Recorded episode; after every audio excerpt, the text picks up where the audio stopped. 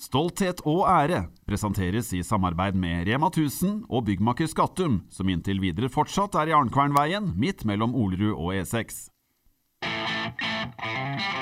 Da! Gamle introen.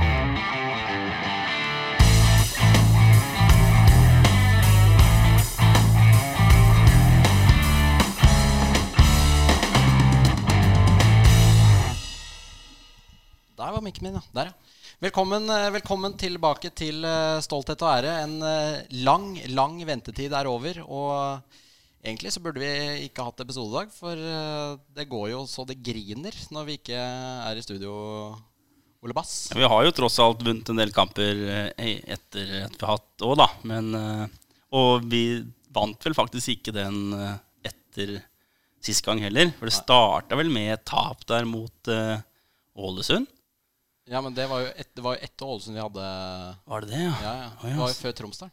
Ja. Det var, stemmer, det. Mm. Jeg tenkte det, sånn, det er, Vi går jo så mange kamper her, men Dere hadde eh, en lengre og god samtale om eh, Patrick eh, Sæbø og Ja, ja, ja, det stemmer det. det ser du. Det, tida flyr. Men det er, jo, det er jo mange kamper, da. I september. Ja. Og du, det er jo egentlig du som skal passe på at det blir sånne sendinger, da. Og hva har du drevet med?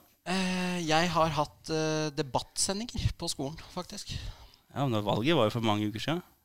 Ja, jeg vet det. Vi hadde det etter, eh, etter valget. Okay. Det var egentlig eh, ja, Debatt etter valget. ja, det, det var om klima og miljø. Så okay.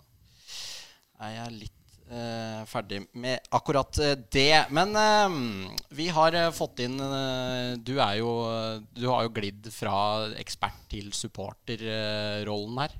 Mm. gjennom hele sesongen. Det har jo, eh, det har jo vært som det har vært. Men uh, dagens gjest, han er jo ordentlig supporter. Han er eh, 36, er det ikke det? Han er lærer, han er vokalist, og han hater fotballspillere med hårbånd. Eh, velkommen, eh, Gaute Smestad Pedersen. Takk for det. Veldig veldig hyggelig å bli kalt vokalist. Det mener jeg er direkte løgn. Jeg, syng, jeg synger litt. Ja, fordi eh, i Twitter-bioen din så står det jo at du er eh, vokalist i bandet Pupp. Ja. Hva står eh, Pupp for? Eh, Paddy's Underground Party People. Ja, og hva, hva, er det, hva er det for noe? At det er en, for det første, det er et eh, akustisk eh, irsk folkrockband. Eh, og navnet det kom etter forkortelsen. Eh, den første konserten vi skulle spille på, på gamle Hydranten, så tenkte nok en av de som skulle promotere det her, at et helt ukjent lokalt band som spiller irsk akustisk musikk, er det ingen som kommer og ser på. Så han skrev 'pupp' svært over halve plakaten. Så halve plakaten var hvite bokstaver med pupp, og resten var halvnaken dame. Da, du blir ikke kvitt navnet, det derre pupp-bandet, vet du. Altså måtte vi lage en forkortelse. ok. Så Paddy's Underground Party People. Men eh, er det, har du noen sånn fascinasjon for eh, irsk eh, Veldig glad i irsk musikk. Um, irsk folkepunk. Uh, folkerock. Ja. Alt etter Dubliners, egentlig. Ok, så okay greit. Det er uh, Har du hørt uh, Gaute synge noen gang? Jeg har ikke hørt den live, nei, men jeg har jo fått med meg litt av hva han har drevet på med. Og jeg kjenner jo litt til de her eh, Den sjangeren er jo ofte blir mye spilt i, på bussa når vi var rundt omkring i Norges land eh, tilbake i tid, og har sikkert eh, fortsatt spilt når de er ute på tur. Ja, så da kan jeg vel noen sånne refrenger, men eh, jeg kan vel ikke si at jeg har eh, By på litt, da. Få et refreng her nå. Nei, nei, nei. Nei, Jo. nei jeg kan ikke synge på radio. Ja, ok, greit. Radio, faktisk. Ja. Det er Jeg er 36 år, så jeg og Gaute er på radio nå. Vi er på radio, ja. Hvor Ja. gammel er du, egentlig? Jeg er jo 36, ja. Er du det? Mm. Er 83? Ja. Herregud. ja tida går. Tida, den eh, går, og jeg kan gønne i gang med et, eh, et spørsmål med en gang. For å komme i gang litt. Fra Marius Kavli til deg, eh, Gaute. Beste røverhistorie fra Waydays han husker best? Ja, altså, jeg har jo på en måte alltid vært litt Litt snill eh, i forhold til mye av de tingene der. Eh, men det klart det blir jo noen ting som du både opplever og, og ser. Så klart eh, I Ullevål var det jo mye spennende i perioder. Eh, egentlig like mye etter kamp. Eh, på, vei ut, eh, er på vei ut av tunnelen i bil. Ja. Så var det veldig vanlig for Vålerenga-supporterne å feste skjerfet i vinduet og så skru igjen. Mm. og da ble det jo tilsvarende vanlig å prøve å få tak i det skjerfet. Okay. Og særlig når trafikken sto, så vi på ikke kom noen vei, så var det jo litt spennende å se hvor irriterte folk blei. Ja. Um, vi har um, Asker for to-tre år siden, der vi melder ifra på forhånd at vi kommer mange. Og de er eh, forberedt sjøl, føler de, og sender 100 billetter ned på puben. De, det betyr at en av ja, rundt fem av de, de fra Hamar som kommer, mm. får billett. Mm. Resten må stå i kø. Ja. Der sitter det én person ja. og én betalingsterminal, ja. og alle kommer sammen før jeg har gått samtidig. Så folk eh, bestemmer seg vel i grunnen bare for å rusle forbi. Um, serieåpning, så det blir litt røyk og litt farger. Um, da kommer uh, kommer eh, sikkerhetssjefen der og er ganske forbanna, og så skal han opp på tribuna og, og begynne å plukke ned de som har brukt røyk. da. Og så, ja, Når jeg ser hvem det var, jeg skal ha dem sånn ja, Bruk huet, da. Gå og hent dem i pausa, sier jeg liksom. Du, ja. Hvis du går opp der nå, så smeller det. Ja. ja men jeg liker jo at det smeller litt. um, og da hadde jo vi heldigvis snakka såpass lenge med en at de som trengte å bytte plass oppe på tribuna, de hadde gjort det. Okay. Så da gikk det greit. Um, Mjøndalen borte ja, der, altså, Det første året vi var der, så var det en som fikk hjerteinfarkt. En Mjøndalen-supporter rett eh, etter kampslutt. Uh, vi får lagt den i stabilt uh, sideleie og får tak i ambulansen. Og året etter så blir det tror jeg faktisk er godeste Quadrafenia, blir rett og slett rugbytakla nedover tribuna av ene vakta der fordi at den sparker i en stol når vi slipper inn. Okay. Så etter det så har liksom Mjøndalen Ja, for det har vært litt dårlig stemning, eh, stemning der. Ja, og Christian Gauseth. At jeg slapp inn han her. Jeg håper, det er, jeg håper det er desinfisert. Hva er det som er gærent med han, da? Ja, det, hvor skal vi begynne? Altså, de Mannschaft eh, kapteinsbånd? Ja, det er ikke det det, det Liksom eh, viser i pausa her nå. Det er bare tull. Bare bullshit. Kristian er ikke her til å forsvare seg selv. Nei, så... men han, jeg har skrevet det på Twitter, så ja, han har hatt sjansen. Han er eh, ikke spesielt Nei, jeg, jeg, jeg syns det blir litt mye. Ja. ja. Det er lov å melde det. det, er lov å melde det. Du Ole, har du noen historier eh, fra back in the days når du var klin hakka gæren? Ja, det er, det er, mye historier, vet du. Men det er jo ikke alt som egner seg på pod. Men det var jo litt samme liksom eh, det var litt forskjellig, da. Det var jo det var to liksom, forskjellige epoker, og det er litt interessant å prate med Gaute om det, som har holdt eh, vært igjen, kan du si, da, mm. den gamle eh, garden. For det må huske at det var en sånn liten sånn klikk med veldig mye ungdom i rett alder. da. Så vi var jo unge på den tida her, da. Mm. Eh, og på en måte nesten så litt opp til de her eh, yes. gutta som, eh, som herja den tida. Og da var det det var en liten, men veldig veldig god etablert gjeng som, som reiste rundt. Og det var, eh, ja, det var mye av det samme typen og litt av det samme engasjementet. Og, men så fikk du den boosten som kom inn i, i stålepoken, hvor det ble, var svært. Jeg tror i 2005 eller sånn, så var jo Briskebanen var jo over 1000 medlemmer. Og det var altså, busstur i seg sjøl. Det ble, liksom litt, sånn, det ble, det ble liksom, nesten det ble litt sånn overgang fra at du er et uh, lite firma til å bli et digert konsern. da. Måtte møte opp tidsnok for å få sitte på buss med kompisene dine på tur, liksom. Ja, da, det, det, Jeg husker det var en sånn svær greie òg, at det var liksom Den gamle gjengen følte at ja, nå ble det liksom for familiært og, og, hyggelig og Ja, det var liksom ikke, det var ikke slik at da gikk på en buss og kjente du alle. Det, var, mm. det ble andre tider, da. Mm. Og så kommer nedturen, og så har du på en måte uh, Da ble det færre og færre. Ja. Uh, og så har du gjengen som Gaute har vært en del av i mange år, da, som er utrolig fascinert over, som har bare tatt nedtur og nedtur. Og har vært på et, de har vært på et punkt da, hvor de har vært 1500-2000 eh, mann på Ullevål. Da, ja.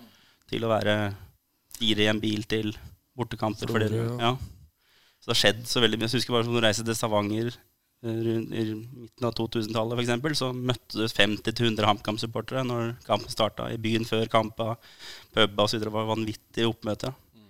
Og nå er det som jeg sier, en liten sånn engasjert gjeng som reiser. Men det, det ser ut som det blir litt bedre og bedre. da. Litt uh, oppgang. Det, det, er jo noe som går i en sånn jeg tenker Fotball-Norge har jo en stor utfordring ja, for det her gjelder rekruttering. det gjelder jo ikke bare HamKam der. Nei. Det er jo generelt uh... Du ser jo tilskuertallene synker jo um, sånn flatt over hele mm. linja, egentlig. Men og, og, klart, hvis en skal rekruttere supportere, så må du enten ha noe som gjør at et miljø er verdt å komme inn i.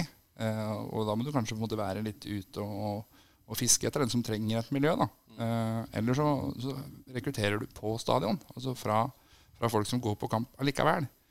Uh, og det er klart det, Hvis du tar gjennomsnittsalderen på Briskeby nå, så tror jeg ikke den er, den er ganske høy. det er ikke så mange nye som sitter andre steder på Briskeby heller. Og da er det ikke så stort, eh, så stort vann å fiske i for å få nye supportere. Og det er jo en stor utfordring, og noe vi på en måte har prøvd å, å gjøre noe med. Eh, både de åra jeg har sittet i Bris, eh, styret i Briskebybanden, men også nå senere som eh, supporterkoordinator, som er liksom det jeg har en. Supporterkoordinator, hva er det for noe? Ja, det er en formell rolle som Fotballforbundet har innført, som okay. hver klubb i, i topp, toppdivisjonene skal ha.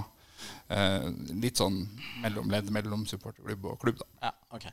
Men hvis vi, hvis vi, klarer å få, få det til å gå på Briskeby og se HamKam til å være kult, så vil Briskeby-banen bli større. Men vi kan jo prøve å få tak i folk uavhengig av det, og det har jo vært utfordringen. da, Å, å finne hvem er det vi eh, på en måte viser Eller er interessante for. Mm. Men det med at det er veldig Det at det er veldig eldre, aldrende publikum på Briskeby, Mm. er vel pga. at de som har vokst opp eh, nå, de vet jo ikke hvor gode Eller de har ikke vokst opp med at HamKam har vært gode. Nei. Og så tror jeg kanskje at liksom, en sånn aha-opplevelse må til. Fordi jeg tror mange som er fotballinteresserte, ikke klarer å skille ja, Premier League, Champions League og så det å se eh, HamKam Notodden. Eh, For du kan ikke gå ned på det her og tenke at du skal se den samme fotballen. Nei, for hvis du Du kommer ikke tilbake hvis du så forrige HamKam Notodden-match. Nei, det er i hvert fall sant. Det, det er for Nei, og, og, og, og klart du, du går på Briskeby fordi det er de gutta som spiller fotball for din klubb, for din by, for ditt område. Um, og ikke fordi at uh, du forventer å se uh, alle mulige fiksfakserier, uh, egentlig. Um, men du skal se noen som blør, og som vil noe for, for de samme tinga som deg, da, som da er din klubb og ditt, din logo. Mm. Og det er noe som liksom tror Fotball-Norge generelt må på en måte kanskje fronte litt også. At det, vet du, det er ikke her for å se eh, Sala og, og Messi, liksom. Det er Du ser noen som faktisk kunne ha gått i klassa di, eller Ja. eh, vokst opp i nabogata. Mm. Det er, eh, ja, må være et viktig poeng. Over til eh, det sportslige. Det gjenstår fem kamper av eh, sesongen. Og vi kan jo bare dra kjapt gjennom altså, Siden sist vi satt der, da, så har det jo blitt spilt en haug med kamper. eh, da eh, HamKam eh, hadde fire på rad før det ble bråstopp mot eh, Sandefjord. Og det siste først. Eh, Sandefjord-matchen, hva, hva tenker du om den? Jeg, jeg sitter med litt sånn følelse av etter den kampen at det var veldig hvordan det første målet kom på, utrolig unødvendig. Mm. For det virker eh, Altså, å tape mot Sandefjord eh, isolert sett, ikke noe problem. Men måten det skjer på, var, det var veldig frustrerende, syns jeg. Ja, jeg er enig i det. Og så er det som du sier, hvis du tar de fire kampene før det, bare som en liten inngang, så, så, så, så, får HamKam mål på de rette tidspunktene. De, eh, de lykkes når de har de dårlige periodene sine. Så, lykkes de mye bedre med å forsvare seg. Altså, vi pratet litt om Stromstern før vi tok sending her. Altså, vi vinner jo 5-2. Komfortabelt resultat, ser det ut som. ikke sant? Men samtidig så husker vi det at Jarosinski sto en kjempekamp der oppe holdt HamKam inn i en dårlig periode. Uh, og kanskje Sandefjord-kampen er den første kampen da etter den perioden med seire, hvor, de, hvor det første som Vi har et par store sjanser egentlig første gang, og den er et som Solbakken setter i stolpen. Skårer de på den, så blir ting annerledes. Ja. Uh, og så blir det heller motsatt. Mm. Og da blir det frustrerende, som du sier, og så er det følt at ah, Fordi, i dag var det ikke den dagen. fordi du, I første omgang der så har jo Sandefjord kjørematchen. Altså Pontus Engblom Greit nok han er toppskårer i Obos-ligaen, Mm. men altså, han brenner mye, altså. Han brenner mye. Og i første omgang der altså, Han bør jo stå med kanskje to og tre goller. Og når man først da klarer å ri av det, og HamKam er et lag i flyt Mm. Altså på den, Når man slår den korte corneren Du, du uh, Gaute, du liker ikke korte cornere. Nei, gammel fotballromantiker, holdt på å si. Um, jeg syns det er noe tull. Um, det, altså, det er noe statistikk som sier det at en, du får omtrent like stor sjanse for å få en målsjanse, da, eller scoring, eh, fra en eh, vanlig corner som et innkast på egen banehalvdel, eller noe sånt, tror jeg Oppda faktisk fant ut. Og, og Det er helt fair, men, men spillet i seg sjøl blir påvirka. Får du en ball inn foran mål som er innom og legger press, så har du et forsvar som på en måte blir litt stressa. Du har noen som Her lukter det fugl, vi, vi jobber på. Eh, og det tror jeg ligger liksom under. Så det har jo blitt sagt litt sånn på Selvfølgelig ikke ment 100% men Åh, jeg håper vi slipper inn et mål på en kort corner, så vi er ferdig med det tullet der. Altså, eh, nå gjorde vi jo det, og det, det håpa vi jo ikke på. Ja, fordi det, det som skjer, da, er jo at uh, Matland går ut for å ta corner, slår en kort til Simbol Kanoli. Den heades ut på første, og da er det plutselig helt uh, Det er jo et kjempekontring, Ja. men, det er mulig, skal, men det er mulig å stoppe den. Ja, for der skal jo Steffen Skogang-Pedersen klippe han Sandefjord-spilleren bare å ta det gule professional foul ferdig. Men det gjør han ikke. Og det leder jo til uh, 1-0. Og da, da går lufta ut av ballongen, på en måte. Ja, vi, vi så ikke så veldig nærme ut å ta poeng etter vi kom under der. Nei. Sånn, og det, sånne kamper du må ta ledelsen, da. Skal du ha med deg tre poeng. Du kommer ikke ett. Du går sjelden du snur sånne kamper eh, mot sånne lag borte. På et sånt tidspunkt av kampen og så måte begynte å ganske mye perioder uten ball. Kanskje en av de kampene på lenge de har hatt så lite ball. Eh, det koster mer. Og da, så jeg hadde heller ikke spesielt når de slipper inn der, tenkte jeg at eh, det beste vi kunne håpe på, var på en måte å kunne holde 0-0 så lenge som mulig, og kanskje få en dødball eller en overgang eller et eller annet på slutten der. For da syns jeg vi så ferdig ut. Så det var litt, litt synd. Det var, og... Men sånn er det. Det var jo ikke den kampen som jeg følte var Den, den syns jeg var altså, ikke greit å tape, men det var ikke noe avgjørende.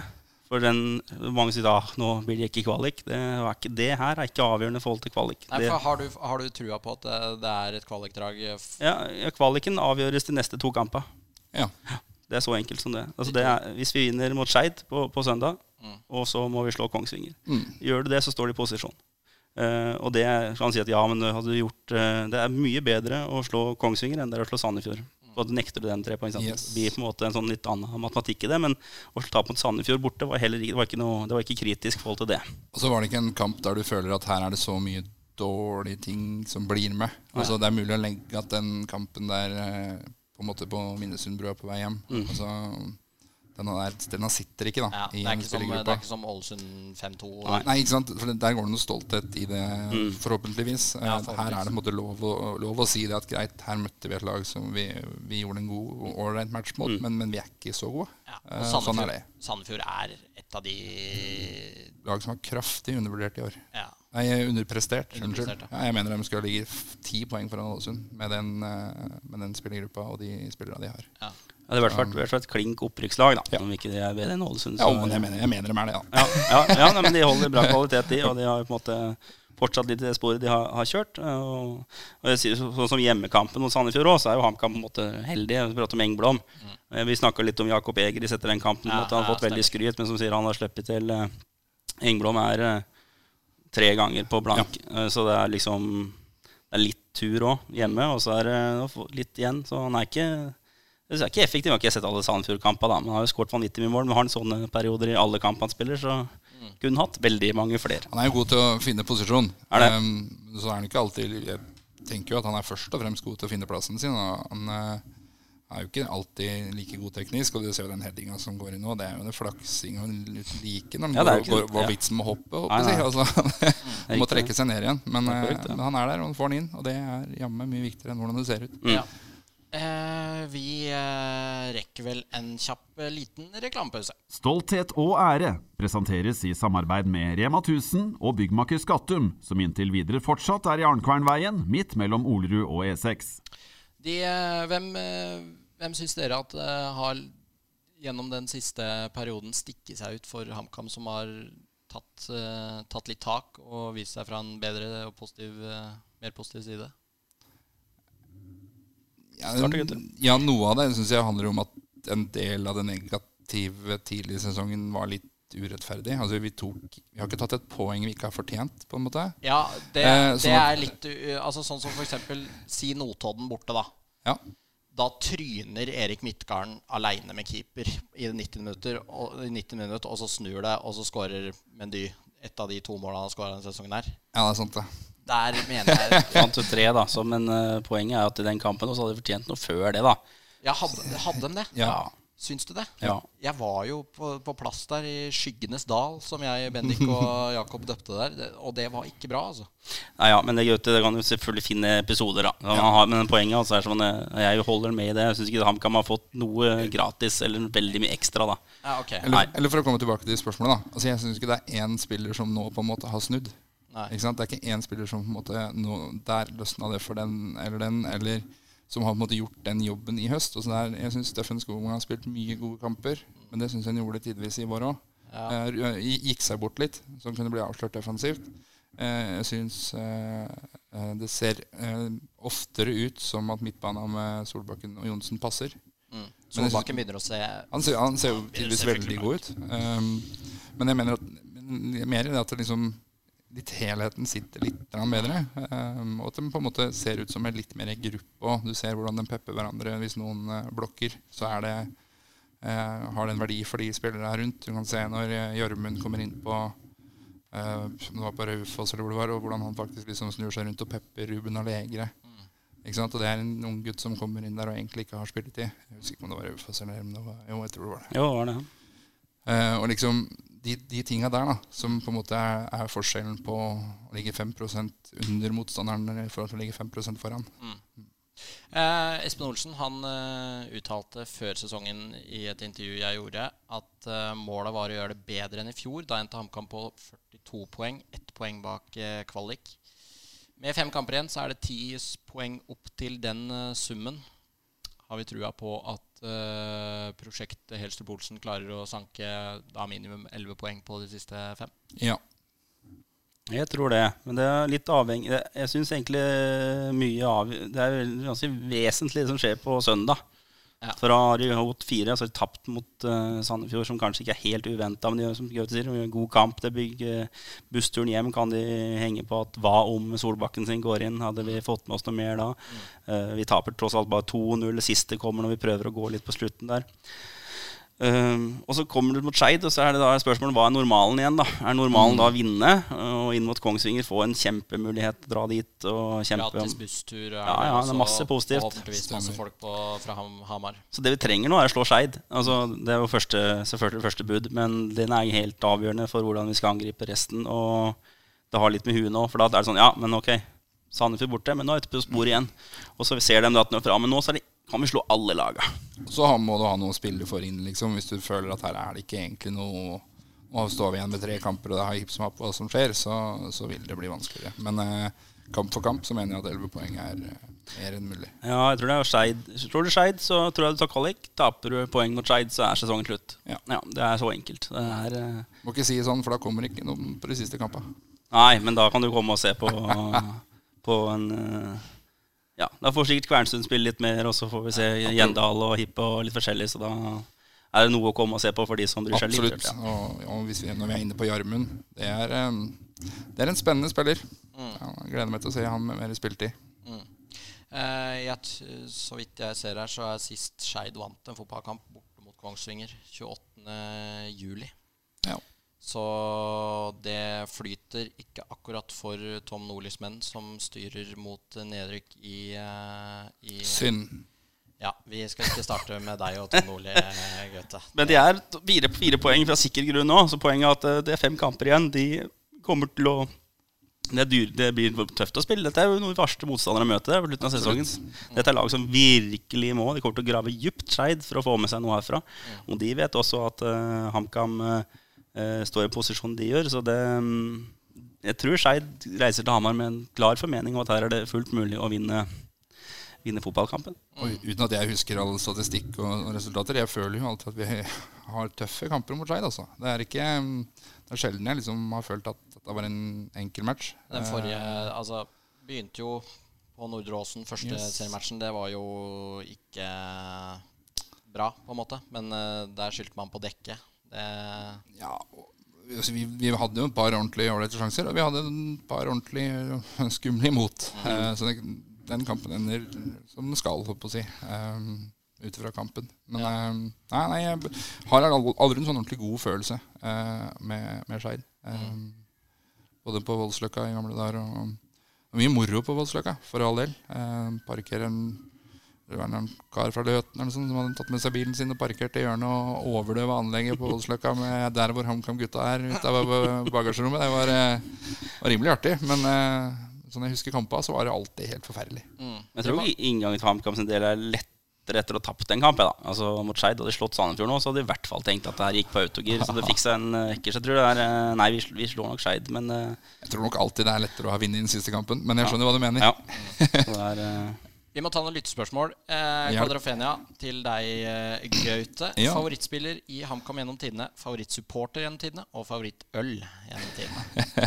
Vi starter med den siste. Jeg drikker ikke øl. Ja, fordi det der er veldig Det spesielt. var, du, det var ganske stor andel av de spørsmålene som Ja, kom inn, handla om det der. Fordi at du ser jo eh, ser ut som jeg drikker litt øl. Nei, men du ser jo Du er litt sånn hardbarka fyr med sixpence og, Ja. og skjegg og sånn. Ja. Men du er, du er altså en sidermann. Sprit og sider. Uh, nei, jeg har aldri likt øl. Jeg har aldri giddet å bruke penger på noe jeg ikke liker. Jeg skjønner ikke de som gikk og kjøpte seg sixpacker med øl og skulle lære seg å like øl. Altså, Da kaster du jo bort penger. Liker du kaffe? Nei. Han vet ikke hva han går glipp av. Men det, er jo, det ser jo ut som en fyr som burde ha drukket din andel av Absolutt. kaffe. Men det er ikke, noe med, Absolutt. det ikke noe med size eller noe sånt. Det har noe med at eh, du er supporter og irsk folkemusikk, og du skal like Guinness, liksom. Det er, Ja, ja, av, det, det er en del av pakka, og det ser litt rart ut. Når du, rekker øl når vi spiller konserter. For da kommer det allerede, alltid en eller annen nisse med en halvliter. Eh, og da bruker jeg en tre-fire sekunder, og så drikker jeg den. Kjører den rett ned. Ja. og Så står du og holder på å kaste opp etterpå. Nei, da jeg passe på at noen andre skal synge neste sangen, slik at jeg kan rape meg ferdig. Ja, okay. Det er som regel fatter'n som kommer med den ølen, så det er ganske ufint gjort. Han, okay. jeg, For han veit det jo. Um, um, jeg er favorittspiller, ja. Um, litt sånn kjedelig svar.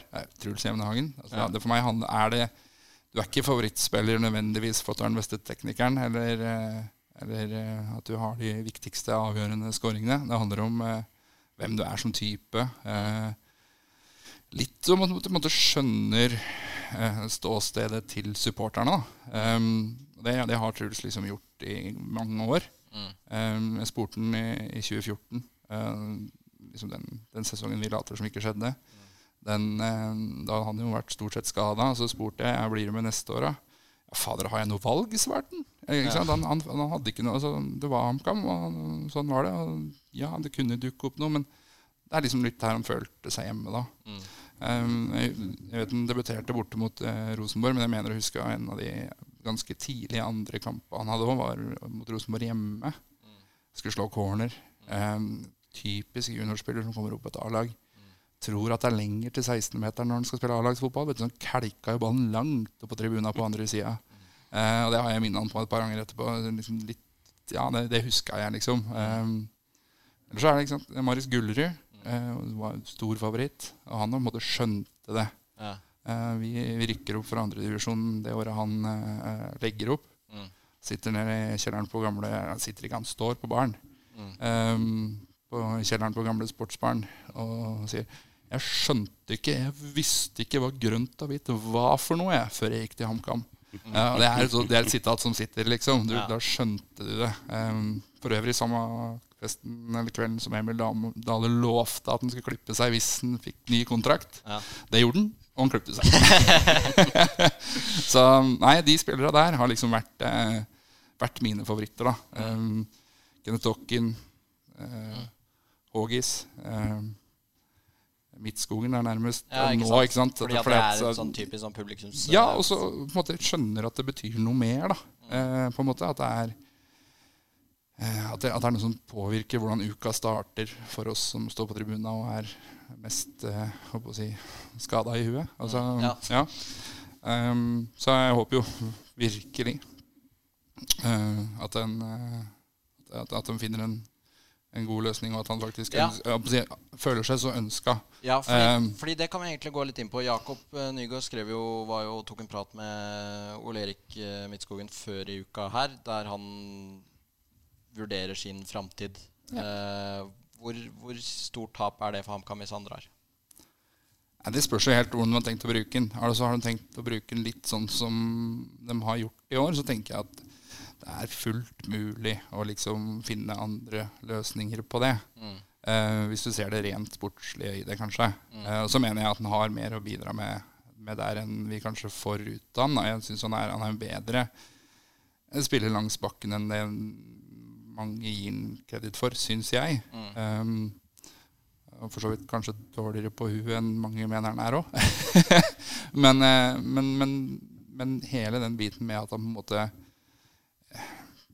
blir litt, litt som oss på en eller annen måte. At, han, at, det, at de følelsene for, for, det som skjer, da, at mm. de gjenspeiler litt det vi føler på tribuna, mm.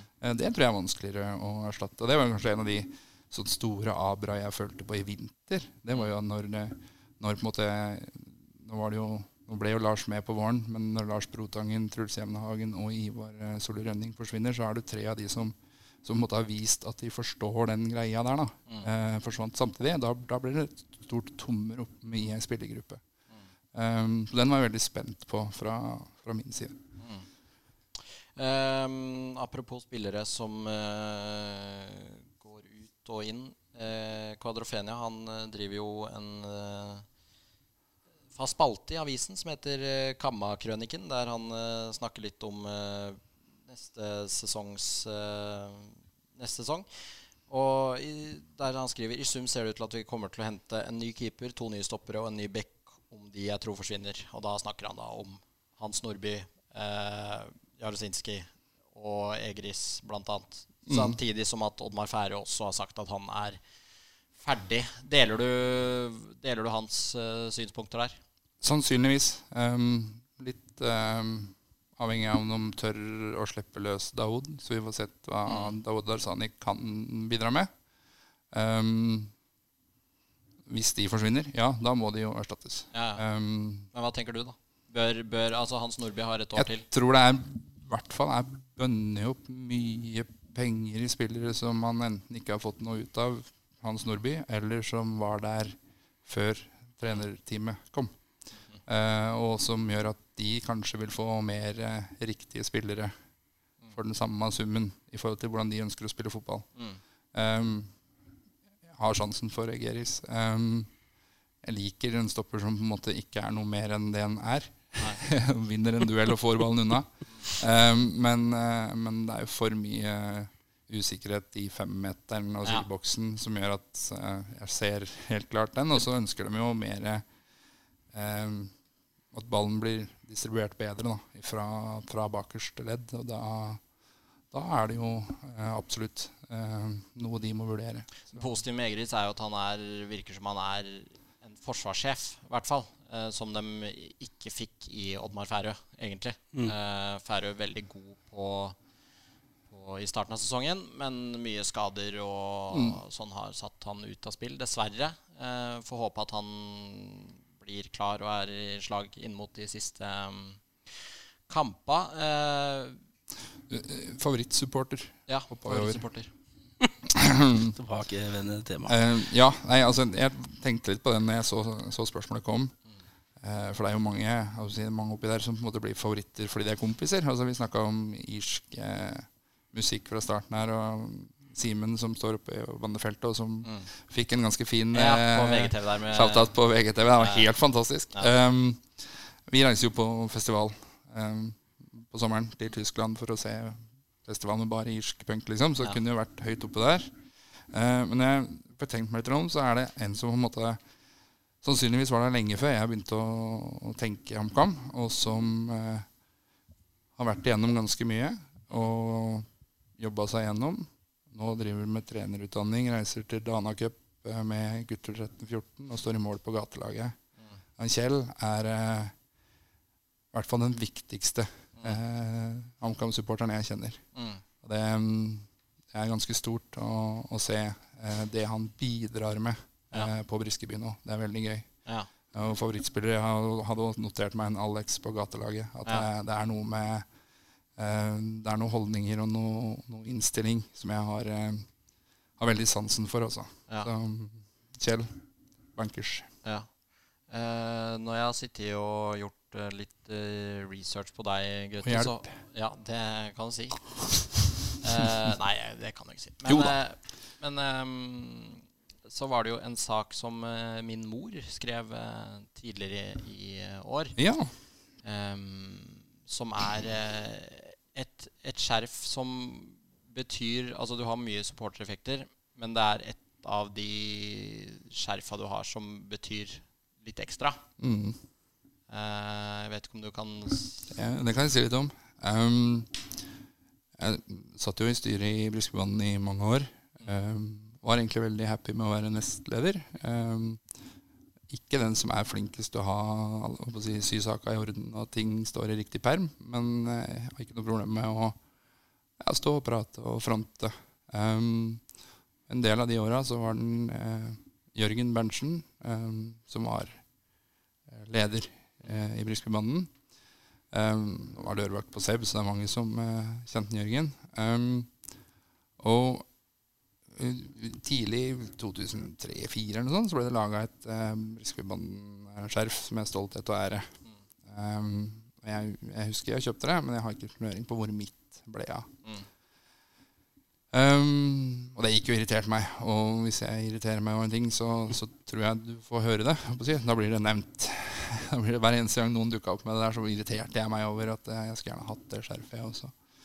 Uh, og så plutselig, en annen uh, forkant av en eller annen kamp på, på Tossil, så, så, kommer han Jørgen, og så slenger han uh, er på en busstur. Og slenger han skjerfet bort til meg og sier han, 'Ta det du, Jørgen. Jeg, Jeg, jeg, jeg, har et til. Mm. Tror jeg.' Mm. Han var ikke helt sikker, han her, men, men han syns jeg burde ha det. Mm. Uh, et par år etterpå så, så døde Jørgen av hjerteinfarkt. Mm. Sånn at det, det skjerfet det brukes ikke fast. Det Nei. brukes til spesielle anledninger. Um, tas frem. Ja. Um, Jørgen er uh, Han er savna. Um, det tok ganske lang tid før det var gøy å gå på Briskeby. Um, det er jo de vennskapa der du får. Og som, som, gjør at det er gøy å gå på Briskeby nå, fordi du faktisk har de vennskapa der.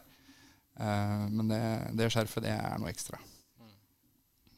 Fikk jeg, fikk jeg litt uh, gåsehud. Jeg det var veldig og trist. Var, var en bra mann. Han um, hadde jo trøbbel med hjertet for å få kan jo, Vi kan jo spinne over på en litt morsom historie da, vet du. Mm. Fordi han hadde jo trøbbel med hjertet. Det var jo ikke sånn at det kom helt ut av det blå, sjøl om, om det han var ikke gamle karen. Men eh, den første runden så bestemte vi oss i styret for å kjøpe boka til Ståle. Mm. Eh, I litt sånn trøstegave. Mm. Og så fant vi ut at vi må jo prøve å få signert denne der. Eh, så jeg får tak i nummeret til Ståle og tar kontakt og hører om vi kan komme opp og få signert neste gang den er på Hamar. da. Ja, ja, bare kom du, sier han. Altså. Når jeg kommer opp på, opp på ja, bak ankeren, eh, Mælumsløkka eller noe sånt, så for det første så kommer jo Ståle ut da i lange hvite fra militæret og har ikke akkurat brydd seg så mye om at det kommer noen. Det er liksom helt greit. Han signerer, og han blir sittende og prate. Vil skravle, og det blir sikkert lang prat. Men jeg, jeg, ser ikke noe nærmere på hva det står i boka. Så jeg tar med den ned til, til Jørgen, og så øh, åpner han, og så, og så, plutselig så bare råflirer han. vet du. Ikke sant? Han skal jo helst, helst ikke le heller, omtrent, etter en operasjon der. vet du. Og da hadde Ståle skrevet ganske nøyaktig Hei, Jørgen. Som både du og jeg veit, så kan det gå hardt utover hjertet å være HamKam-supporter. God bedring. og det, ja, det sier mye om Ståle òg. Ja, ikke sant. Um, uh, nå har vi egentlig dratt gjennom mye av det jeg har uh, forberedt. Så nå Jeg håpa jo på noen historier fra deg i dag, jeg, Ole Jonny. Fordi du, har jo, du er jo supporter uh, back in det sammen med Gaute. Ja, altså, jeg, ikke sant, når, jeg, når jeg kom inn uh, så ikke sant, Jeg er fra Brumunddal opprinnelig. Så det jeg kjente, altså, Der sto det jo en gjeng som kjente hverandre fra skolen. ikke sant? Og som, og som jeg på en måte litt forsiktig skled inn på. Mm. Og som var litt sånn tøff gjeng, gitt. Mm. Og på en eller annen måte så har den litt tøffe gjengen endt opp med Ole Jonny nå, liksom. Hvordan det gikk sånn med han, det vet jeg ikke. Men uh, ja, nei, ja, men det var mye fine Det var jo Det har vi snakka om mange ganger. Det var jo et helt uh, spesielt uh, for meg òg. Det var jo jeg, jeg, hadde jo primetimen min. Jeg var jo, som jeg har sagt, uh, vært inne på før, var, var riktig alder. riktig i forhold til tid. Ja, men det har jeg hørt før. Jeg vil ha noen historier, jeg nå. Ja. Noe litt sånn Noen overskrifter. Overskrifter? Ja. I hvert fall si at det er litt annerledes å være HamKam-supporter. Vi hadde jo tenkt litt på det, hvordan Eh, vi egentlig var i veien for HamKam så mange ganger. Det var egentlig litt morsomt. Det var jo en evigvarende konflikt. Jaha. Eh, det er sånn Overskriftene eksempel, sånn som det har vært det siste tida, det burde vi snakka litt på òg. Gaute hadde jo et leserinnlegg, og vi har vært mye i forhold til den, det slaget, slaget på Hamar. Uh, men det var jo slik at enhver overskrift i, i, i, HA, den endte jo hvis du, Det var da vi åpna avis. Dette var jo en tid da vi åpna avisa på mandagsmorgen. etter en kamp. Og da sto det noen bander eller et eller annet som vi hadde sitert på, så var ikke Truls Håkonsen uh, sein i å, å ringe. Uh, og spørre om vi var feilsitert, og det var mye forskjellige møter. Og det er historier fra bustups med styremedlemmer som, uh, ble, som prøvde å utnytte posisjonen av makt. Og det er, har mye gull, da. Mm. Men vi kan jo ta Eh, det med, med, kulturen og øl osv. Eh, satt og tenkte på Vi prata innledningsvis om bussturer. da mm. Så var det jo vanvittig mange folk med på de turene. Men dette er litt sånn fra Vi hadde én og to busser. Eh, og skulle til Hønefoss på en eller annen kamp på høsten. Uh, og så reiste vi forholdsvis tidlig den søndagsmorgenen. Uh, ikke tidlig og tidlig, men på formiddagen. Og, var jo, folk var jo børst når de gikk på. ikke sant? Og, det, og de vi trilla nedover mot, mot Hønefoss, så stoppa vi da på en eller annen busslomme. Det var jo mest menn da, den tida her. Ja. Og så ser du, ikke sant, bussen bare voff, ut med alle og bortover. Så er det jo ikke alle som syns det er like artig, og det er ikke like enkelt heller, å stå tett i tett i tett i og kjøre den fram, liksom. Så det var en kar da som, som dro litt, litt til sida, ikke så veldig langt unna. Og han ned med buksa, ikke sant? Og, så, og så står han og gjør sitt. Mm. Og så kikker han opp, og der står det et eldre ektepar i 60-åra. Mm. Eh, ja, rundt der 56 år, og raker i hagen. Det er høsten. Han er litt børst. Altså han er jo er litt tøff, tøff, type, da. Så han, eh, han, eh, han, ser opp på gamla, og så sier han Hva er det med deg, ja? Har du ikke sett pikk før? og så ser jeg bare på han, og så ser jeg jo da, men aldri så liten. det sånn, og det var liksom tematikken for mye sånn der, uh, tura. Det var liksom, det var, og da var det, det helt stille og med latter møtt av resten ikke sant, når det her uh, kom fram. Og det er liksom sånn, det, er, det miljøet de der turene altså der Historia sitter så lett. da. Mm. Vi kunne snakka mye om flere òg. Da vi plukka opp en uh, vi, skulle, vi, skulle, til Haugesund borte. Mm. Og da reiste vi vel Jeg kjørte buss, da. Det er en ganske drøy busstur. apropos. Ja. Og da var det jo sånn at da gikk jo ofte bussa gikk etter stengetid på Hamar. Mm. Det vil si at eh, folk var ute, og så gikk de på puben, nei, på puben og rett inn på bussen. Mm.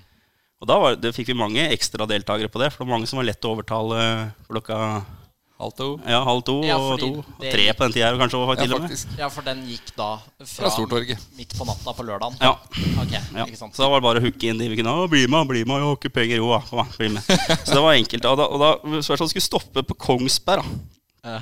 Der var det en lokal helt. Jeg tror det het Frank. Ja. Eh, som bare som, som, gutta bak til bussen, da, som holdt det gående, ja. plukka med seg inn på bussen. da Og så sa kan ikke ta en konjakk. Frank, ja, ja. Frank ble min, han. Hadde jo aldri, Visste jo ikke hva fotball var engang. Ja. Og plutselig når han våkner seg sjøl, så på morgensida der, så er han jo i Haugesund. Han skulle jo bare ta seg en liten pølse. Og den telefonen han da tok til kjerringa si og unga for å fortelle at pappa er i Haugesund for å se på HamKam, det tror jeg ikke var helt enkelt å ta. Men det er sånne, det er sånne historier som sitter, sitter godt. da Og det, er, det kan sitte her og, og drodle i timevis på, på HamKam-historier. Men det var litt sånn det var utrolig hyggelig, da. Det var jo uansett hvem du var, og uh, forhold til kultur og hva man mente, og hvordan man uttrykte seg, så var det liksom et fellesskap for det. Det var en ganske god intern justis òg. Mm. Men uh, vi ble på en måte litt sånn uglesett. Banden var på en måte den gjengen som gikk i Support-Norge for å være blant de tøffeste i, i sjangeren. Litt sånn uh, Og det endra seg jo litt med Hva skal jeg si Når det blir så mange, så blir det litt mindre hvis du, en, hvis du, er en veldig sentral del mm. av et supportermiljø, kanskje er hele miljøet, mm. eh, og så kommer det veldig mange som bryr seg om HamKam, men som du kanskje ikke har sett før, så blir det liksom den avstanden ja, Hvem er mest verdt å være her, liksom? Hvem er det som liksom skal ha hegemoniet? Og da følte jeg at det, kanskje det, det var liksom første slaget mot den etablerte kulturen. At det ble litt for mainstream da, å holde med HamKam. Og så, og så ble det jo liksom reagert fra, fra, nye folk på at folk var fulle. Liksom, mm. Og da jeg kom, meg her der, jeg har stått i, der folk har stått i mange år, og så liksom skulle forandre på det vi har gjort mm. Og, så, og det, det, tror jeg nok var en, var med å skape en del utfordringer, liksom. Men er det, er det mye sånn når, når dere Når Briskebybanen er på, på bortetur, er det mye fyll da? Er det, er det er det fylla hver eneste søndag, liksom? Nei. For noen, kanskje. Men egentlig ikke, når jeg tenker meg om, egentlig ingen som på en måte konsekvent. Ja. Um, uh, nei. Ja. Ja. Ja, men det er jo helt seriøst. Når vi, når vi, opprykket, når vi kjørte fly til Alta i, Når vi rykka opp oppi der, eh, 2003, uh, så var det jo slik at til slutt så hadde jo HamKam hadde et opplegg med sponsorer og sånn. Til tross for at det var sikkert 60-70 fra banden da, som var der, eh, som var på den turen. Så var det 30-talls sponsorer. Jeg kan gjette på hvem som ble best. de som var fullest og oppførte seg dårligst i Altahallen den eh, kampen, det var de som var der betalt, altså sponsorer. Og det er til og med en mann som sovna på dass i Altahallen og ikke kom seg med flyet. Tror du det var en fra Bispebanen? Nei, det var en sponsor. Så poenget er det er ofte litt sånn pekt mot banden, men det er ofte andre elementer som dummer seg mer ut på sånne ting. Fordi de gutta som er på, eller jentene da, som er på hver eneste kamp, hvis de skulle tippe og være, øh, skulle ha uheldig, da, rett og slett, da, at du tar litt for mye, så blir du passa på. Mm. Så det er jo ikke, så er ikke, det er jo ikke en arena for å begynne å eh, liksom, drikke. Men jeg tror banden hadde en veldig fin plassering også uh, på Yes. tribuna. Det tror jeg er også en vesentlig, vesentlig del av den tida her. Det, det var lett å stå i nærheten, for det var, det var jo det var sittetribuna. Så var det ingenting bak det ene målet. Så var det eh, det vi ser i dag eh, ved klubbhuset der. Mm. Og så var det tres- tre på, på til venstre når du kom inn eh, ved arenaen der, og så var det til høyre så var det betong. Det var enten, og det var sittebillett, det måtte du kjøpe. Så hvis du kjøpte ståplass, jo, men det hadde, så hvis du, den etablerte klikken som sto der, var lett for Å skli inn i. skli inn i. Jep. Du kunne stå litt utafor, men samtidig inne. Nå er det sånn der veldig sitte banden. Ja, for hvilke, hvilke grep prøver dere å gjøre for å få med flere til å synge? Altså, altså det, Nei, en, av- en av de tingene som vi på en måte har prøvd å snakke litt med klubben om, og som vi kanskje nærmer oss å få litt gehør for, føles det som, er jo f.eks. et ståfelt i stedet for et bandefelt med en egen inngang og en egen billett. Og så det koster 50 spenn å stå på det feltet. ikke sant? Og det er billigere. Ja, for det, da, da vil du For det er jo sånn Jeg tok aldri noe bevisst valg om at jeg skulle stå og være syngende supporter. nei. Jeg sto 20 meter bortafor, og så var det litt kult å høre på den meldingen. Jeg må stå litt nærmere, og så plutselig så sto du der. Og så plutselig så sto du borte mot Lyn og var eitrende forbanna for at de gamle gutta som hadde stått og trøkka på, ikke stilte opp når laget trengte deg. Så du sto og dro i veien hele kampen og ikke hadde stemme før på onsdag. Ikke sant? Og, og, og, er, og det er jo de vi savner. Altså, det er jo de der vi må få tak i. De som tupper, meg og Fred og Marie og vi som er aktive ut fordi vi har blitt de gamle. Altså, ikke sant? At, at vi på en måte blir erstatta. Da. Eh, og da, hvis vi hadde fått et ståfelt der vi står nå, kanskje, med inngang i hjørnet med delt bru over til sit-down, og så stolt på at folk eh, gikk på den plassen igjen når de hadde vært på do, altså eller på kiosken. Men at det da var billig å gå på kamp, og enda billigere å gå der. Eh, og så ville du til slutt på en måte bare vært en del av det miljøet. For det er jo det som Det var jo det vi gjorde. Og kanskje et opprykk også. Ja, men, men, det, men det kan ikke vi sitte og gjøre noe med. Det er Men du er ser på bortekamper, da. Så det får jo mye Det blir jo helt annen kreditt. eh, Og synging og sånn. Det var, det, var jo Jeg mangla to eh, fylker å ha se HamKam i. Så jeg reiste jeg, mang- Det var Aust-Agder mangla. Så jeg var- var jo reiste Får jo ikke sett HamKam veldig mye borte. Men jeg reiste til, Christia, nei, til Jerv. Grimstad. Og da plutselig så dukka gamle Røsten opp. Da Og kunne jo være med å synge igjen, og sånn, for da sto vi jo sammen. ikke sant? Eh, på hjemmebane så blir det jo ikke aktuelt å sitter en liksom på, på plassen sin. Uh, og det, bort, og så det skjer jo alltid på bortekamper. Det kommer enda mer folk, og folk synger jo. Folk kan jo sanga som har sett noen kamper og sånn. Så da det er det med plassering som jeg tror er litt vesentlig. Liksom, det blir sånn der, På en så stor stadion så står dere oppe i et eh, hjørne. Så veldig synlig. Mm. det blir veldig synlig at du står der. Ikke sant? Eh, det var jo på en måte Nå var vi så vidt innom det, men det var jo en av de tingene som jeg reagerte på i HA sin sak tidligere. Ikke sant? At man brukte ordet HamKam-supporter. Fordi jeg blir så veldig knytta til å være HamKam-supporter. For jeg går på Briskeby, så ser du hvor jeg står. og det, ikke sant? Du, du blir så veldig synlig der. Mot for om det hadde vært eh, sånn som det var i gamle dager, da, med gamle betongen. Eller et, for så vidt et ståfelt der det sto folk litt her og der.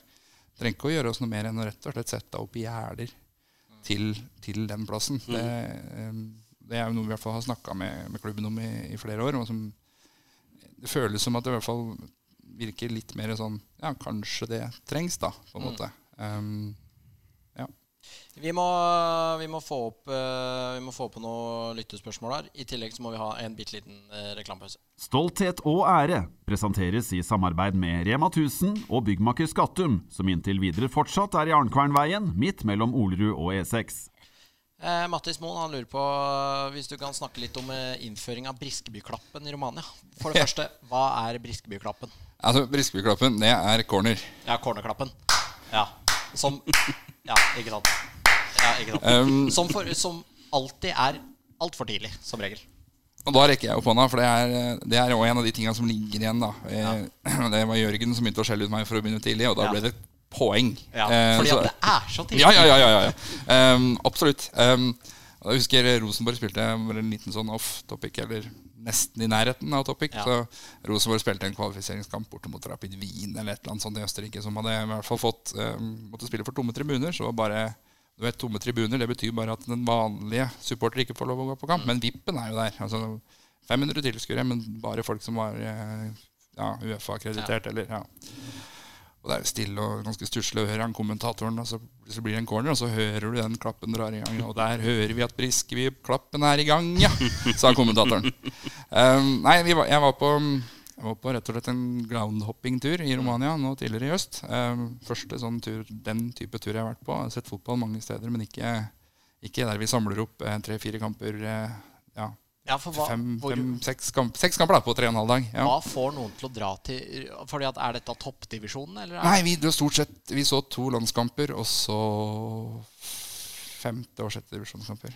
Altså, det og, ok, og hvorfor gjør man det? Er jo det ja, det var den skada i huet vi snakka om i stad. Um, nei, fotball er gøy. Uh, det er en god måte å se noe et annet land på. Jeg har ikke vært i Romania før.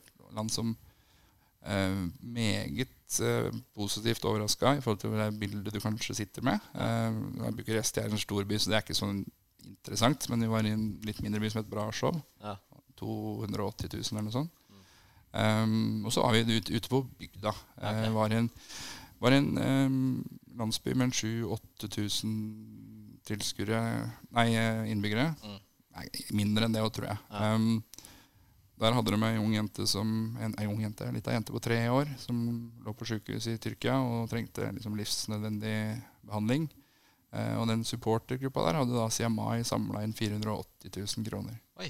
I en by der hoved eh, liksom, Du så hvor hovedfabrikken eller hovedinntektskilden hadde vært, men den fabrikken den mangla to vegger, for den var så liksom, fraflytta og nedlagt. Um, og med TIFO og røyk og full pakke. Um, uh, så nei, uh, vi, ja, og noen av vi var og så en kamp på en stadion med 14 000-15 000 plasser, ja. og som med, åpenbart egentlig var nedlagt. Ja. Uh, den klubben som spilte der nå, var laga av supporterne til den opprinnelige klubben. Okay. Men den opprinnelige klubben ble drevet av ordføreren, så de var ganske lite happy med hverandre. Og der prøvde du altså Alle de kampene etter det. Og da, ja, ja. og da, prøvde du å innføre Briskebøklappen? Helt riktig. Ja, ikke sant? uh, det er klart Du sitter på en stadion med 14 000-15 000 plasser, og det er 50 stykker der, og alle er uh, utenlandske supportere, så det er en ganske uh, absurd situasjon. men ja. Ganske mye, moro. Ja, det, er, my, det er mye spørsmål om sider og mm. Mickey Finn og Sondre, det. Ja. ja. Nei, Sondre er jo en av de litt yngre vi har, som, ja. som helt åpenbart ble merka for livet. Eh, den turen bort mot Kongsvinger som jeg satt og drakk Mikke Finn, for det, det, kommer han aldri til å glemme. Og Mikke Finn er jo noe sånn surt likørskvip. Ja, ja. Det... Jeg drikker ikke så veldig ofte, men Sondre tror nok at det er til lunsj, altså. Det, det sitter. ja, ikke sant. Uh, jeg har egentlig ikke så mye Du har uh, Vi må snakke litt om det som skal skje etter helga. Ja, det som skal skje jeg, tror, jeg, har, tror jeg har news. Ja, få høre. Etter, news. Ja, etter hvert hva, etter hva jeg erfarer, så får vi se en uh, ny keeper. Hoi! Ja. Hvem da? Hippe Fagereng kommer til å starte. Ok Mm. Dette har du fra sikre kilder? Nei, jeg har ikke det. Men uh, det har, Du må jo si har, ja. Nei, men jeg sier det. Det er en liten news der. Ok ja, Så vi kan gå Briskeby og se en Moelven-gutt i mål. Okay. Spennende. Ja. Så Jar Osinski sitter på benken, slik jeg forstår det. Okay. Gjendal Gjendal sto jo Brekkerud-kamp i går, så jeg var litt i tvil om hvem som skulle stå. Men jeg tror det, var, jeg tror det endte på Fagereng. Okay. Ja. da krysser jeg fingra for at uh, Gjermund Kvernstuen uh, får godt med spilletid. Det er en kan. spiller um, Jeg har sett mye med HamKam i, i HamKam 2 og, og gutter 19, og jeg skal vel si at denne sesongen her så har Gjermund dominert mer enn jeg har sett noen av de tre, altså Mikkelsson, eh, Bolkan Nordli og Solbakken, på det nivået. Mm. Det betyr ikke at ja. de tar eh, seniornivå, men Jarmund Gjermund har dominert kraftig. Og så er nok nivået Det er vel det du tenkte på, kanskje? Eller? Ja, nei, jo da, men han som sier, har rett. Nei, nivået er ikke Nei, på ingen måte. Jeg Nei. tror du har helt rett i det. Jeg er helt enig. Det er lettere å legge merke til en. Eh, Og så tenker jeg også at eh, hadde vi eh, Det som er litt synd for Jarmund og kanskje Davod og flere, er at vi spiller i Obos-ligaen kontra Ja. divisjon. Altså ikke synd, det er jo ikke synd, men, men, men for dem så, Nei, men nei, nei, men jeg skjønner hva jeg mener. For Bolkan og, og. Mikkelsson, ja. Solbakken var lettere å få en debut. Og sånn er det med flere. Vi ser av de som vi Ormen, Hagen, mm. Tilly, altså flere. Det var lettere i annendivisjon og gjør sånne ting. Det blir med en dårlig opplevelse og kan bli fortere spist opp i Obos. Ja. Nivået er, det er langt sprang. Jeg ser, eh, hender seg ser det at folk kan ta sprang i fjerde til annen. Det er ganske greit. Men rekker ut juniorfotball til Obos er en lengre. Se på han Lasse Bransdal Ja. som har vært her. Nå har han klart seg ganske greit på strømmen der, men, men det er et stort sprik, altså. Ja, det. Så det, det er eh, Men det er jo fint at det er, kommer opp sånne. Det er viktig. Da. For, for Gaute og meg, da, så spiller det en rolle. Altså vi, så vi liker å ha noen lokale innslag på laget. Det tror jeg er viktig. Ja. Så tror jeg at eh, For mange andre så hadde det ikke spilt noen rolle. Jeg ville, ha det, jeg ville også ha best mulig lag, det er ikke det jeg sier. Men det, er, eh, det gjør noen ekstra med en. Når det, I hvert fall noe ekstra å skryte av hvis du har en del av dem. Det er noe der, altså. Nå skal vi, eh, før vi runder av, så har jeg lyst til å gjøre en ting som jeg kom på nå. Eh, For i Indrebane sin podkast om Eliteserien så pleier de å ha en Jet elver mellom to eh, lag. Og nå skal jeg sjekke hvor gode supportere er egentlig dere to. For eh, du snakket om et år i eh, Du snakka Hæ? Ja, nå har jeg drevet Bendik og Ja, jeg gå nå. Favdal, altså. Få den ut. Ja. Vi ses. Um, for eh, du snakket om et år som hadde gått i glemmeboka. 2014, ja. 2014, ja. Over 40 til- spillere tror jeg vi hadde spilt A-lagskamper. Ja, og vi skal til en kamp som jeg husker utrolig godt. Um, som er en av de kanskje den dårligste HamKam-kampene jeg har sett noen gang. Uten at jeg er eh, den eh, eh, mest ihuga supporteren av de som sitter her. Og det er Strømmen HamKam. Um, 3-0. 6-1. Og dagen etter at Hågis eh, forsvant. Det er eh, fortsette. 31. eh, august 2014. Og jeg skal gi dere Ja, Skal du ha målskåreren? Nei, jeg skal ha eh, de 11 som starter for HamKam. Og hvis dere klarer over halvparten, så er jeg fornøyd. Og dere kan få ett minutt fra Nei, men du, du må jo skrive på med. Jeg skal klare dette her. jeg. Ja, men du, Makan. Nei, nei, du får ikke skrive på. Du må bare ta det fra huet. Eh, Er vi på lag, da? Dere er på På lag. lag, ja. Ja, Men, men målskåreren, husker du han? Eh, Wirstad. Wierstad. Ja, hvis vi har kamper for Ridabuss. Nå Lunder, Kristian Wirstad. Ja, nok om det. Vi begynner Men det er jo eh, viktig å få på så huske målskåreren. Ja. det å huske resultat og målskårer. Vi begynner nå. Emil Holst. Sto han? Han på benken. Ja, da er det ikke han. Hvem sto da? Det er Lars Øversnes. Det er det Øversnes. Øversnes Øvernes, ja. ja. Um, De som er helt bank, bankerspillere, som garantert spilte. Uh, stopp. Vetle Ingstad spilte garantert. Garantert. Riktig. Eh, Han Destin Moamba. Det er riktig. Destin Moamba. Prins, prins Loa. Fredrik Lygre. Ja, Jakob. det tror jeg er riktig. Jakob- Jakobsen. Nei. Jørn Ide Ygre. Ja. Ja. Mm. Ishockeyen. Spilte ikke. Hassan. Spilte. Mustafa Hassan. Børmark By. Spilte Nei, ikke. du har ikke gjort godt. Men Nei, han har eh, ikke gått. Han har akkurat kommet igjen. da. ok. Christian Eriksen spilte sikkert. Spilte riktig. Lene Olsen. Henrik. Det var et tipp fra det er ti- Ja, selvfølgelig Henrik, ja. Ja, han spilte. Kristoffer Hagen. Strand Osmo. Han var på benken. Starta på benken. Han spilte for alt, omtrent. Han startet på benken. Ikke lett, altså. Uh, Sjølstad spilte selvfølgelig. Han Han var spilte. kaptein det året, han. Start. Var det en av de kampene som Menderyd spilte, da? Nei, han var på benken med nummer tre. Venderyd. Å, Der herregud. tror jeg Ja, men jeg har en til. nei, nei. nei. Hvit, hvit okay. overtid. Det er lagt til her. Holdingen. Andreas Hollingen var en Dere skal dere skal få ålreit den. spiller. Lars. Øvernes, Emil Stubbsjøen, Prins Mamboama, Stubbsjøen.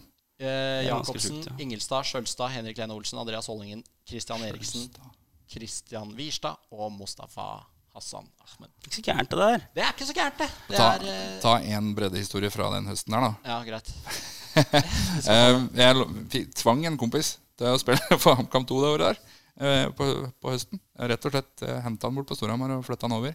Og Avtalen var at han skulle spille, og jeg skulle komme og se alle kampene. Så jeg var og så alle kampene, bortsett fra Raufoss 2 borte, for HamKam 2 og det året pluss på, altså på høsten der. Jeg hadde en tung høst, for både andre lag, juniorlag og første lag var ganske begredelig. Det var de samme spillerne, stort sett. Ja, ja. Um, var nede på Flisa. Um, vinner 1-0. Børmark by skårer i andre omgang. Det er bare at andre omgang den starter ca. en time etter at det ble blåst i pause. For der gikk lyset. Og helt mørkt. Uh, og Børmark by han syns jo det var helt nydelig. Han kan legge seg på tribuna. Og han blir bare mer og mer irritert over de medspillerne som holdt seg i gang. For han skulle slappe av og syntes det var helt greit. ja. 1-0.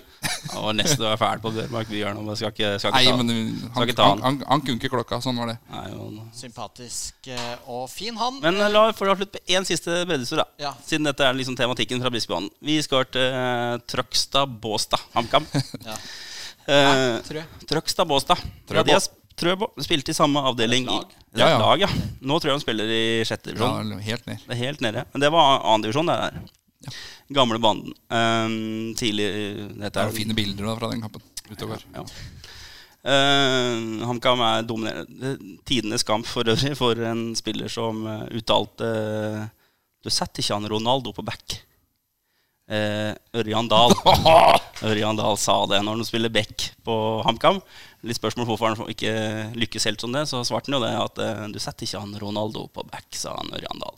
Eh, Ørjan Dahl fikk, hadde vel tidenes kamp, skårer fire mål mot uh, Trøgstad Båstad, så vidt jeg husker. Eh, hvis jeg ikke blander helt sammen. Jo, det er det han gjør. I hvert fall så er det slik at um, det er jo, dette er jo ordentlig bredde. Eh, så selv om det er annendivisjon Dette var en tid da du kunne spille i annendivisjon og ha black Altså Ridabu kunne vært en kunne ikke vært Ban banene på der ja, hadde holdt. Ja, Absolutt. ikke sant? Hadde holdt standarden.